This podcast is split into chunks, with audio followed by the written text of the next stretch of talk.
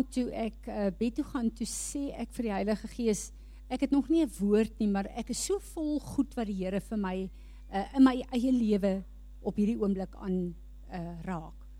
Maar ek wil nie dit wat hy met my persoonlik werk vir die gemeente bring nie en hy moet vir my help om die onderskeiding te gee. Ek wil graag die woord hê vir die gemeente. En ehm um, vanoggend vroeg toe ek in my kantoor sit en ek vra vir Vader, uh, wat is op u hart? As as dit u sal behaag, dan sal my hart wees om u net te worship die hele oggend, om net aanbidding vir u te bring, want ons is so bederf met goeie woord in hierdie huis. En ons het soveel revelation wat die Here vir ons gee. En ek deel dit sommer net met met uh die Heilige Gees. Die Heilige Gees sê vir my al die openbaring wat jy het, en waarmee julle bederf word. As die openbaring uit my woord uit julle nie nader kan bring aan Jesus nie, dan gaan dit julle trots en arrogansie gee, want julle gaan dink julle weet iets. En ek besef daar's 'n fyn fyn lyn. Hoekom wil ons openbaring vir die Here hê? Ons ken die woord van God so goed. Hoekom wil ons groter openbaring hê? Hoekom is ons fokus nie net, Here, kom was my. Heilig my, reinig my sodat ek kan lyk soos U wil hê ek moet lyk nie. Nie soos wat ek in my opinie dink ek behoort as kind van God te wees nie, maar soos wat hy my wil hê. En die Heilige Gees vat my deur die afgelope uh 2 3 weke waar hy met ons begin praat het oor die onsse Vader en waar hy vir ons die diepte van hierdie gebed wat hy vir sy disippels en ons as sy disippels geleer het en die realiteit van hierdie gebed begin hy ons deur te vat. En een van die dinge wat ek uh voel wat hy vir my ge-highlight het, is die realiteit wat hulle nou ook nou oor gebid het. Ek en jy is hemelinge wat op aarde woon vir 'n kort tydjie. Daarom kom hy en hy sê, Jesus het in Johannes 17 gesê, ek bid nie dat jy hulle uit die wêreld uit verwyder nie, want hulle tyd is nou hier op aarde. Maar hier op aarde het ek my woord vir hulle gegee. Ek en jy het Jesus Christus, die volheid van die woord hier op aarde. Daarom kan ek en jy staan as hemelinge en sê, Here, soos wat dit in die hemel is, ek trek dit nou af op aarde. Wat toegesluit moet word op aarde is wat toegesluit is in die hemel. Ek gebruik daai autoriteit. En so het ons aangegaan met Johannes 17 en donderdag het ons uh weer eens uh uh die gedeelte waar Jesus gebid het vir sy disippels, het ons daarna gekyk en ons het besef ons is op aarde. Ons moenie bid van dat ons verwyder word op aarde nie. Ons is hier vir 'n spesifieke plan wat Vader vir ons gegee het. Jesus het ons is so gewoond om te praat van sy kruis, die kruisiging, die oorwinning van die kruis. Maar die realiteit is, Hy het op Golgotha gesterf op daai kruis. Fisies is hy dood. Een van die grootste dinge hoekom hy gesterf het, is nie net om te oorwin vir my en jou nie. Ons het 'n Nuwe Testament wat hy nagelaat het. Ons het 'n erfenis wat hy vir ons kom gee het. Ons moenie vaskyk aan die kruis en die oorwinning nie. Daar's 'n erfenis. Dit beteken daar's goed wat ek en jy in ontvangs neem daagliks hier. Hoekom? Want daar's 'n wêreld daar buite wat gaan sien hoe ek en jy die Here dien, wat gaan sien hoe lyk die erfenis wat in ons hande is. En daarom is dit belangrik vir my en jou om te onthou ek en jy is nie net gered om hemel toe te gaan nie. Ons het 'n erfenis wat ons iets mee moet doen. En dins eh, Donderdag het hulle net iets gesê wat vir my 'n highlight nog was en ek wil gou-gou hê sy moet dit kom deel want dis iets wat ek en jy uit die oog uit verloor het. Wat het op Golgotha gebeur? Ons is altyd net op die ontvangkant. Deel net sommer gou weer. Donderdag het dit soos 'n penny gewees wat vir my gedrap het want mense raak baie in hierdie seisoene van jou lewe dan in daai seisoen wat jy voel jy kan nie vorentoe nie, jy jy stik. En um, jy weet nie om daar uit te kom nie en dit was absoluut vir my asof ek verstaan het meer wat my doop en wat die kruis en wat my wedergeboorte vir my was. As mens terugdink dan dink jy, "Wow, dit was wonderlik want die Here het my sondes gevat, hy het my siektes gevat, maar dit was 'n ruiltransaksie. Soos hy jou goed gevat het, het hy sy goed vir jou gegee. En ons vergeet dat daar het 'n opdrag soos wat die Here se hart vir die wêreld was, het hy dit vir ons gegee. Ons moet dieselfde passie vir mense hê en ehm um, hy het sy missie op ons harte gelê. So jy kan nie nou meer sê die Here het alles gevat nie. Hy het vir jou goed gegee om te administreer, hy het vir die autoriteit gegee en dit is asof ek 'n nuwe uh passie in my aanbidding het want ek voel ek het 'n opdrag en ek is nodig. En baie keer dan wag jy en jy dink, wat was my um roeping? Laat in jou lewe besef jy miskien dit was sending of iets. Daai goed is reeds vir jou gegee, vir almal gegee in verskillende mates miskien, maar dieselfde passie, ag dieselfde opdragte is vir ons gegee in 'n ruiltransaksie. Ons kyk na wat hy in Golgotha volbring het, maar dit was 'n ruiltransaksie. Hy het al ons onvermoëns gevat en hy het wie hy is vir ons kom gee. En my bekommernis vir Fransie van Wyk is wat maak ek daarmee? Ons het nie 'n verskoning nie. Wat maak ek en jy daarmee? Ek dink as ek 'n titel moet gee vir vandag, sal dit 'n vraag wees, nie 'n titel nie. Is wonderwerke en wat ek van God wil hê my fokus of is wie hy vandag vir my is my fokus? Die Israeliete het gesit met hierdie hele situasie van ons is in Egipte, ons is gebind. As God ons red, dan sal ons hom dien. As God ons verlos, dan sal ons hom dien. As die Here dit en dit vir my doen, dit is my fokus, dis waarvoor ek wag. Wat het met die Israeliete gebeur? Toe God hulle geantwoord het. Abigail, you must be quiet now, okay? Wat het gebeur? toe die Israeliete verlos is. Hulle het in die woestyn al die wonderwerke, al die tekens, al die krag van God elke dag gehad. Het dit hulle op 'n plek gebring waar hulle toe die Here beter gedien het as in Egipte. En dis my bekommernis vir my en vir jou. As ons sit met hierdie hele ding van as die Here my net uit my probleme uitvat. As die Here net vir my 'n oplossing gee. As die Here my net my kinders red. As die Here my net as ons kyk na hierdie goed en as dit ons fokus is van hoekom ek die Here dien, dan besef ek en jy nie wie hierdie God is nie. En dan kan ek julle waarborg, soos die Israeliete jy gaan God nie beter dien as die Here vir jou deurkom met wonderwerke nie. Wat my hart seer maak is dat Jesus kom en hy sê vir sy disippels ek wil julle uitstuur om te gaan dit wat ek vir julle geleer het vir die wêreld daar buite te laat doen. Hy gee al sy krag en al sy autoriteit. Want hy wil hê hierdie disippels moet iets ontdek. En ek wil dit vir ons lees uit die woord uit. Want wonderwerke en tekens is nie vir die gelowige mense nie. Wonderwerke en tekens is vir 'n ongeredde wêreld. Dis hoekom God dit doen.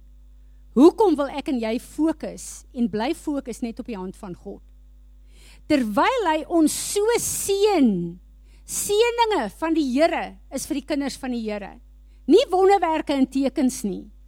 Dit diskwalifiseer ons nie want elkeen van ons wat hier sit, weet dat die wonderwerkende krag van God elke dag in ons lewe in elk geval werk.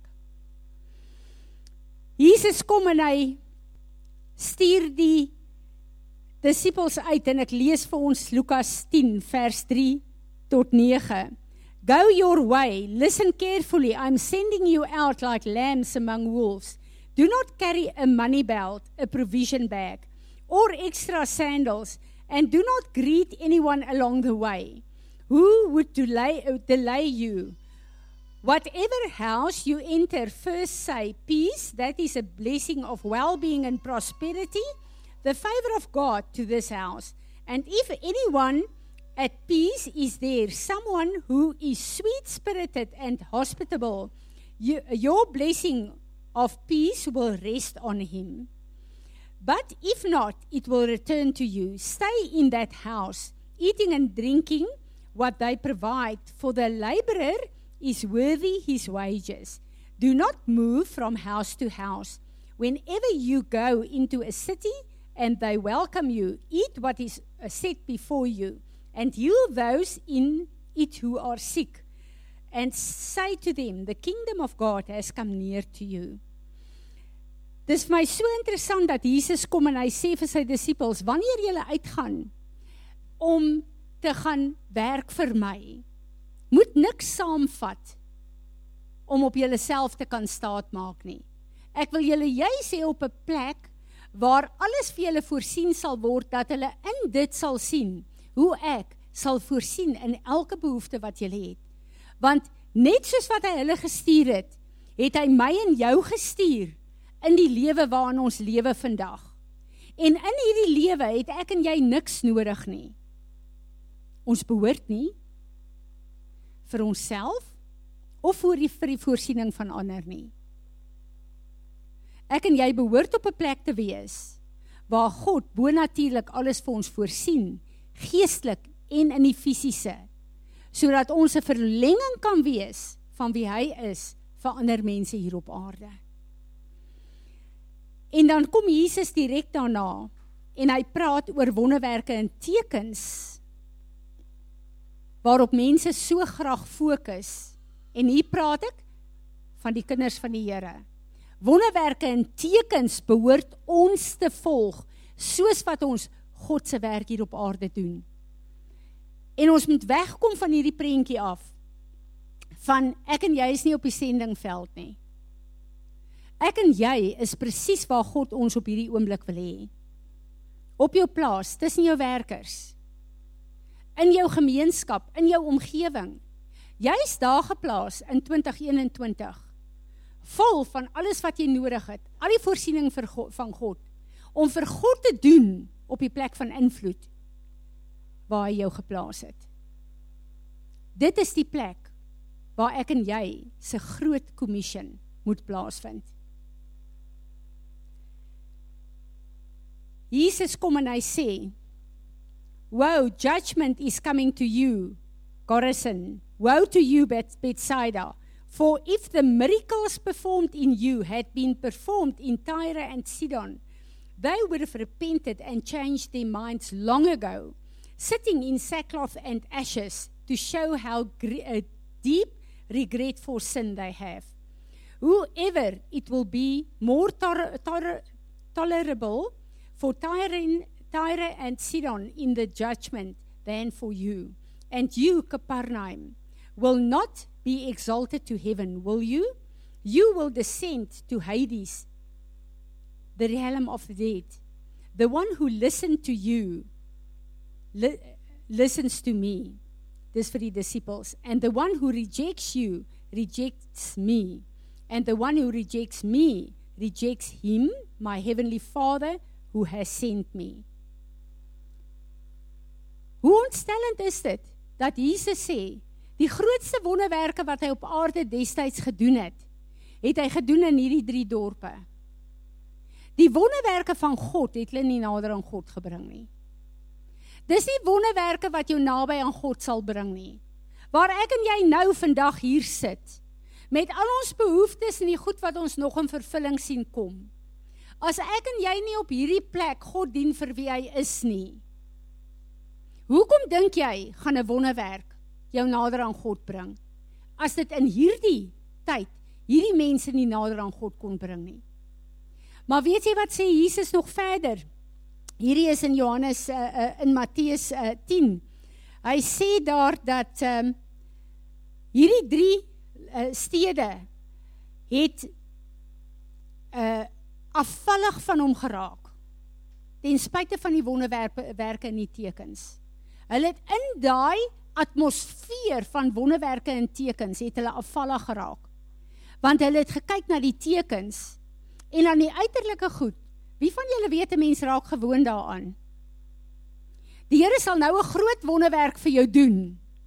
Volgende week is die wow van die wonderwerk weg, dan is jy gewoond, dan's dit deel van jou lewe. Nou dit het met hierdie mense gebeur tot op 'n plek waar hulle lou geraak het en afvallig van God geraak het. Hy kom en hy sê, dit het hulle unresponsive gemaak na my woord. So hierdie mense het hierdie atmosfeer van wonderwerke en tekens gesien. Hulle het daarna gekyk. En vir 'n ruk was dit, "Wow, kyk net die krag van die Here, kyk wat kan die Here doen." Na rukkie is hulle gewoond daaraan, dan raak hulle lou en dan raak hulle op 'n plek waar hulle nie eens meer reageer nie. Want as 'n wonderwerk jou nie nader aan God kan bring nie. Hoekom sal die gewone verkondiging van die woord elke dag jou nader aan God bring?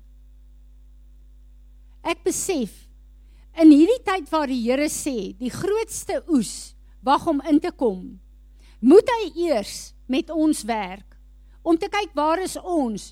Hoe voel ons vandag te midde van ons probleme oor hierdie groote almagtige heilige God van ons? Hy het gekom en hy het gesê op Golgotha het hy Jesus laat sterf. Maar daar was 'n ruiltransaksie Hy het alles wie Jesus is, het hy vir ons kom gee.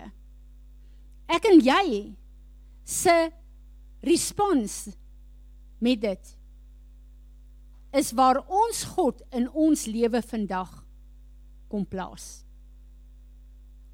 Het ons regtig waar ons probleme en alles wat ons nodig het onder hom kom plaas en gesê Here, Ek gee nie om wat met hierdie probleme gaan gebeur nie. Die feit dat ek u vandag ken. Die feit dat my boek ges, my naam geskryf is in die boek van die lewe. Dis wat vir my saak maak. Want môre in die toekoms is in u hande. Omdat ek kies om dit in u hande te hou. As ons hierdie gesindheid het, dan posisioneer ek en jy ons op die plek om die beste wat God vir ons op Golgotha laat volbring het te release in ons lewe. Ek dink baie van hierdie eie pogings van ons, ons eie fights en redenasies met die Here. Ons eie planne buite God se plan van vir ons wat ons kort kort op die altaar kom plaas hier voor ons wat die begeerte van ons hart begin raak As ons daarna kyk, is dit wat ons wegtrek van God se perfekte wil vir my en jou lewe. Johan sê vanoggend vroeg toe ek en hy gesels vir my 'n ding. Hy sê wanneer hy op 'n plek kom waar hy begin bietjie twyfel en waar hy sukkel met sy verhouding met die Here, dan kyk hy oor sy skouer na die trek rekord wat God in sy lewe het. En ek dink, "Wow. Wat is God se trek rekord in jou lewe? In jou verhouding met hom? Wat se geskiedenis het jy en God tot vandag toe?" Dan is een van my gunsteling skrifte, Hebreërs 5. Hy sal jou nooit nooit nooit in die steek laat nie. Wat beteken vir my? Hy neem 'n eed Vader, Seun en Heilige Gees met wie hy is. Sy karakter is nie om my en jou nie steek te laat nie. Hier op aarde kan niks met my en jou gebeur as ek en jy in 'n verbond met die verbonds God stap nie. Niks kan met ons gebeur nie. Niks en niemand kan ons uit ons hand uit uit sy hand uittrek nie. Ek lees vir ons toe die disippels teruggekom het. The 70 returned with joy, saying, Lord, even the demons are subjected to us in, our, in your name. He said to them, I watched Satan fall from heaven like a flash of lightning. Listen carefully, I have given you authority that you now possess to tread on serpents and scorpions, the ability to exercise authority over all the power of the enemy, over Satan, and nothing will in any way harm you. Hierdie disippels kom en sê, "Wow! Tot die duiwels het ons gehoorsaam, hulle het gevlug." En hulle rejoice in dit. En die Here sê, "Maar ek het self Satan uit die weer in die uit die hemel uitgegooi. Ek het hom sien val."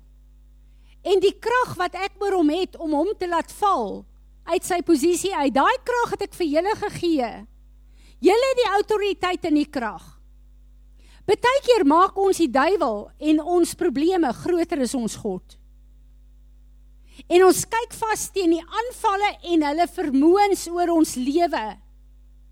Waar Romeine 16 vers 20 skryf die skrywer van die van die na, uh, aan die Romeine in Rome en hy sê Jesus sê vir ons soon I will crush Satan under your feet. Ek en jy het die vermoë om elke probleem en aanval te crush, want dis die autoriteit wat Jesus ons gegee het. Hoekom is ons so verwyder van daai plek af in ons elke dag se lewe? Hoekom is ons in redenasies met die vyand oor ons probleme waar ons dit onder die heerskappy van God moet bring? En as ek en jy nie dadelike oplossings sien nie, dan beteken dit die Here sê wag want my planne is in plek vir jou. Wag want my tyd is 'n appointed time wat ek sal laat land wat jy nodig het. Maar ek en jy het hierdie ongeduld. Want as ons 'n behoefte het of 'n probleem het, moes God gister vir ons geantwoord het. Waarof ek en jy ons lewe ken of nie, of ons ons besigheid ken of nie, Hy weet presies wat elke sekonde wanneer met my en jou moet gebeur.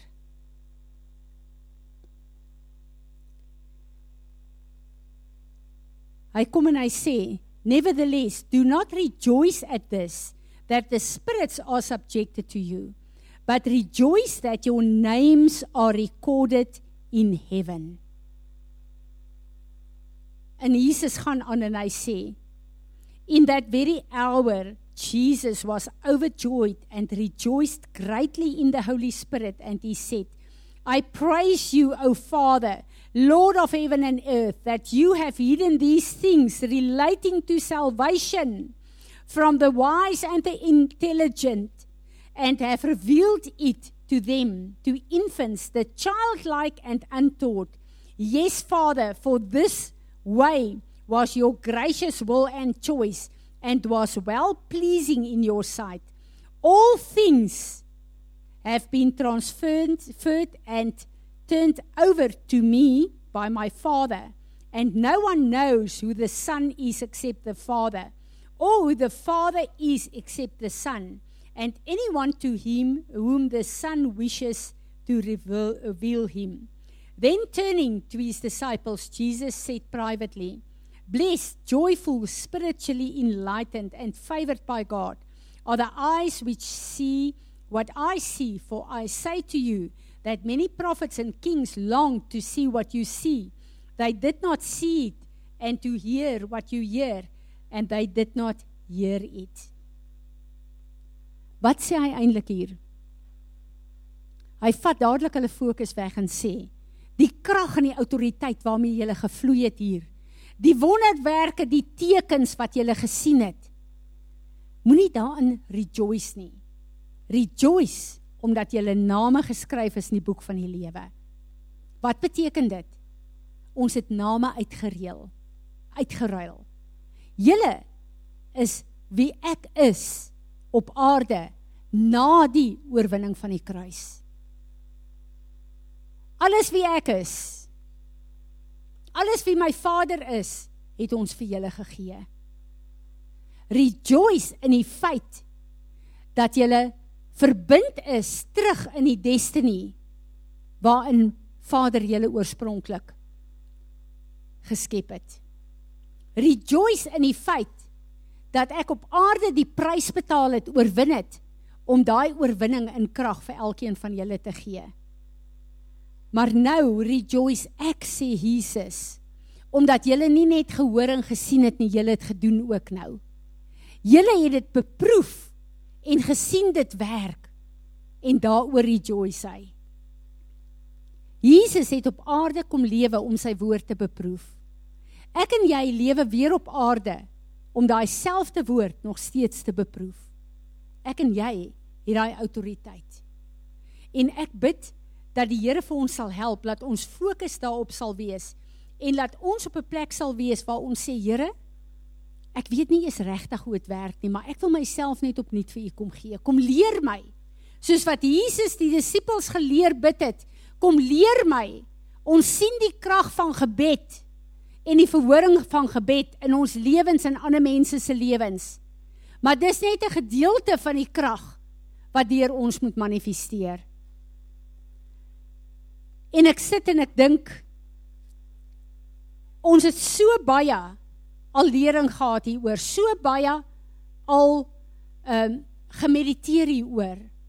En ek sê Here, wat is die verskil in vandag? En die Here sê die verskil is ek en julle.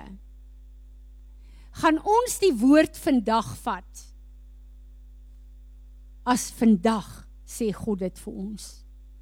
En hy bevestig dit en hy gee vir my Hebreërs 3 vers 7 tot 10 en daar staan: Therefore just as the Holy Spirit says, today if you hear his voice, do not harden your hearts as your fathers did in the rebellion of Israel at Mariba.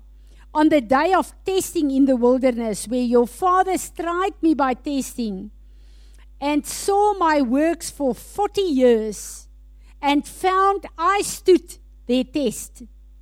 Therefore, I was angered with this generation and I said, They always go astray in their heart and they did not know my ways.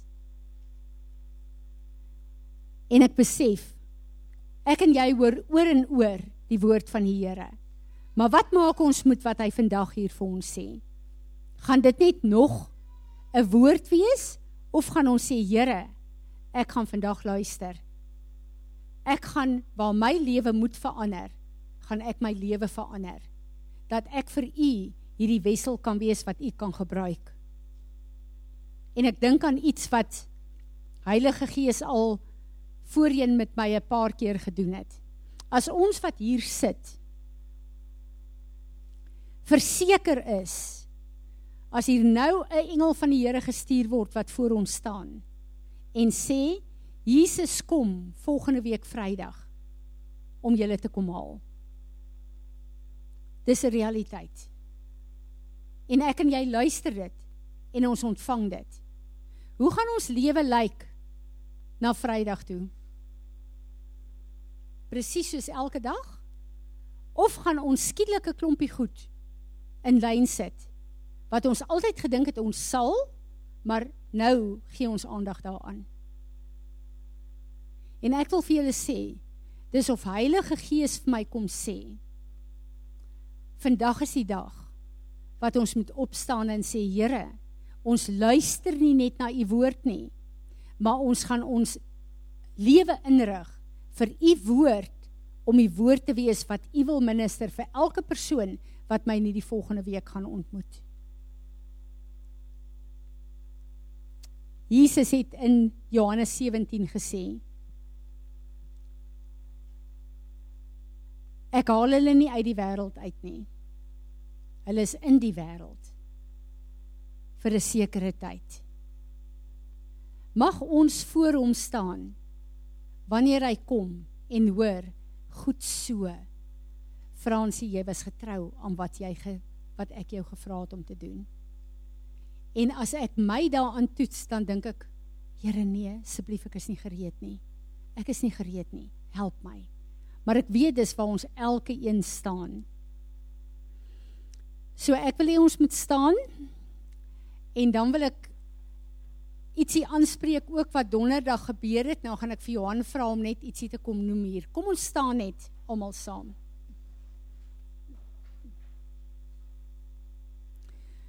Vader, ons ontvang vandag u woord. Ons wil vir u sê hierdie woord is vir my persoonlik. Maar Vader, ek is nie gereed nie. My gedagtes en my optrede is nie op plek waar dit behoort te wees nie. En ek wil vir u vra, kom help my. Heilige Gees, kom reinig en kom heilig my. Help my om my gedagtes te fokus op U sodat U deur my gedagtes my optrede sal verander waar dit verander moet word. Ons wil deel wees van U groot oes om dit in te samel sodat U naam daardeur verheerlik sal word. Amen. Kom ons sit weer 'n oomblik. Ek um, wil vir julle sê donderdag was daar 'n vraag gewees van wie sukkel om die woord iemand het gesê ek sukkel om Bybel te lees. Volgende een ek sukkel om met die Here te kontak te maak. Volgende een ek sukkel om te bid. Ons almal gaan sulke tye deur. En ek en Johannes gesels ges, vir oggend en ek sit en ek dink dit voel vir my of hy donderdag hier by ons vroue groep was. En ek wil net hê jy moet net in 'n kort gou-gou verduidelik waar jy is en hoe jy gesukkel het en wat die Here vir jou sê. Wilhelm daarna wil ek hê jy moet die verbondsmaal doen asseblief.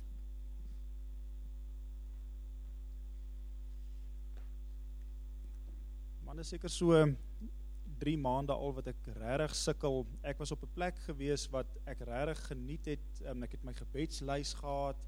Ek het 'n sekere tyd wat ek um, die woord um, inspandeer 'n sekere tyd wat ek bid en ek het ek het half my identiteit daarin gevind en ek het ook myself op die rug getap en gesê luister ja ek is 'n goeie Christen. Ehm um, ek bid so lank en ek lees so lank Bybel en ek spandeer so soveel tyd met die Here en en deur dit alles het die Here met my gepraat in daai tyd en vir my dinge in die Bybel oopgemaak. Dis nie asof die Here nie daar was nie maar ek het dit begin gebruik om myself te sis en die Here vat my deur so 3 maande wat ek letterlik sit en ek kan nie my Bybel oopmaak nie.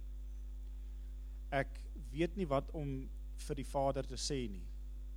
Ek weet nie hoe om te maak en wat om te sê nie en die Here bring my in 'n plek van eerlikheid waar ek sit, waar ek altyd sit en ek net op 'n punt kom en ek sê Here, ek weet nie hoe om te maak nie. Ek kan nie stil sit voor U nie. Ek kan nie praat met U nie. En as ek met U eerlik wil wees, wil ek nie hier wees nie. Ek het dinge wat in my gedagtes aangaan. Ek wil gaan goeders doen en ek het en en ek weet nie want ek weet nie wat om vir U te sê nie. En die Here vat my deur hierdie tyd en ehm um, ek's nog nie heeltemal deur die tyd nie, maar ek begin agter te kom dat ek in sekere sisteme, in sekere maniere en sekere goed wat ek in glo identiteit gevind het en nie eintlik in die Here nie. Waar die Here op my op 'n punt gebring het, ek het nogal hierdie Amerikaanse ding regtig nou gevolg. En ek het toe toe toe die inauguration gebeur, toe sit ek voor die Here en ek sê Here, maar wat nou? U het gesê u het gesê dit daar gaan 'n volgende termyn wees en u het al hierdie goeters gesê en nou gebeur dit nie. En die Heilige Gees kom en hy sê vir my so jy sit en jy wil vir dit wat ek doen en dit wat mense sê ek gaan doen en dit wat in jou eie gedagtes aangaan oor hoe goeters moet gebeur jy gaan my dien as gevolg daarvan. En ek sit en ek besef jy kan dit nie doen nie. Ehm um, jy kies die Here vir wie die Here is. Geen nie om wat mense sê nie, geen nie om wat in die wêreld gebeur nie, geen nie om wat in jou eie gedagtes aangaan wat jy gedink het die Here moes doen nie. Jy kan dit nie doen nie. Die Here het ander planne, die Here het sy eie manier en uh daar is nie 'n konkrete ding wat jy kan sien wat die uh, wat jy kan sê die Here gaan A B C D doen nie. Die Here se A kan dalk daar wees en jy het gedink die A is daarso. En ek het net begin besef die, die Here het net na my toe gekom en my gesê, "Sal jy besluit? Geen nie om wat gebeur nie. Geen nie om hoe jy dink die ouens dalk miskien gesê het ek moet doen nie. Gaan jy my kies of gaan jy kies wat die mense te sê het wat wie, wie ek is?" En dit was nogal vir my ontnigteringe 'n uh, uh, ontnigterende ding en um, ek besef uh, my ma praat van sy verlede jaar. Ek het dit nou nie geweet nie. Het sy gepraat van daar's 'n lyn wat getrek is. En jy gemoed kies watter kant jy van die lyn um, is en ek het nogal snaaks hierdie jaar toe ek met die Here praat, toe toe, toe sê die Here vir my, "Watse kant gaan jy kies? Ehm um, gaan jy die gemaklike kant kies of gaan jy my kies?" Nie dat dit ongemaklik is by die Here nie, maar uh ehm um, julle weet self al dit kan nogal interessant raak. So ehm um, dit is waar ek staan en en en 'n laaste ding as ek mag mag sê ehm um, my ma praat oor sendingveld. Ek het daai selfde ding gehad van die sender sendingveld is daar iewers in Suid-Korea of in waar ook al. En die Here begin my praat daaroor en hy sê vir my jou sendingveld is jou huis. Dit begin by jou huis. Kyk hoe lyk jou huis, kyk hoe lyk het jy jou vrou al wat jy met die Here gesels, wat julle saam staan wat julle saam Bybelstudie doen, wat julle saam julle dinge doen, is dit jou kinders? Wat hoe weet jou kinders of ek die enigste almagtige God is? Ek wil by jou dit hoor en dan van daar af jou plaas of jou buurt en dan jou dorp en dan ehm um, en dit was nogal vir my 'n uh, 'n uh, 'n rowwe ding om te dink toe ek toe ek na my eie huis kyk toe besef ek Vaderland ek wonder of of of enige een van ons die Here ehm um, dien en ken. So dit is nogal vir my 'n ontnigteringe ding geweest. Ons begin al hoe meer en meer sien hoe lyk die remnant Wilhelm. Kom ons gebruik die verbondsmaal. Die awesome celebration om deel te wees van wat hy afgehandel het op Golgotha. Dankie.